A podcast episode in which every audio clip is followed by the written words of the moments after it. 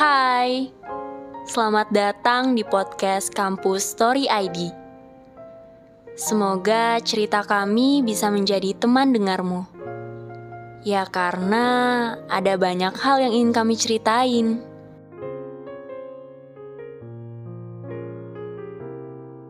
Kehilangan adalah sebuah takdir yang sangat menyedihkan bagi aku. Kehilangan sosok yang aku butuhkan sampai saat ini. Dia adalah sosok laki-laki yang saat aku cintai dan yang sangat aku banggakan. Seorang laki-laki yang tidak pernah ada gantinya di dunia ini.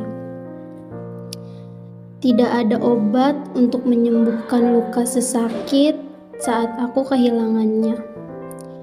Yang ada cuma keikhlasan yang menjadi penawar untuk meredakan sedikit rasa sesak di dada. Aku ingat ketika hari itu aku kehilangan semua tentang dia. Aku juga ingat gimana gemetarnya aku hari itu tanpa henti. Aku pikir itu hanya sebuah mimpi. Mimpi di mana ketika aku bangun, aku masih bisa melihat dia dengan sehat. Tapi ketika semua menyadarkan aku bahwa ini adalah sebuah kenyataan yang harus aku terima. Walau memang sulit, bahkan sulit banget menerima kenyataan pahit ini.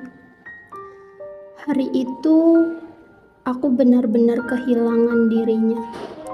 Aku kehilangan pelukannya, kehilangan nasihatnya, kehilangan senyumnya yang indah bahkan tawanya yang merdu.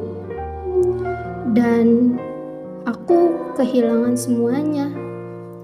Dan setelah dia pergi meninggalkan aku untuk selama-lamanya, yang tersisa hanyalah sebuah kenangan.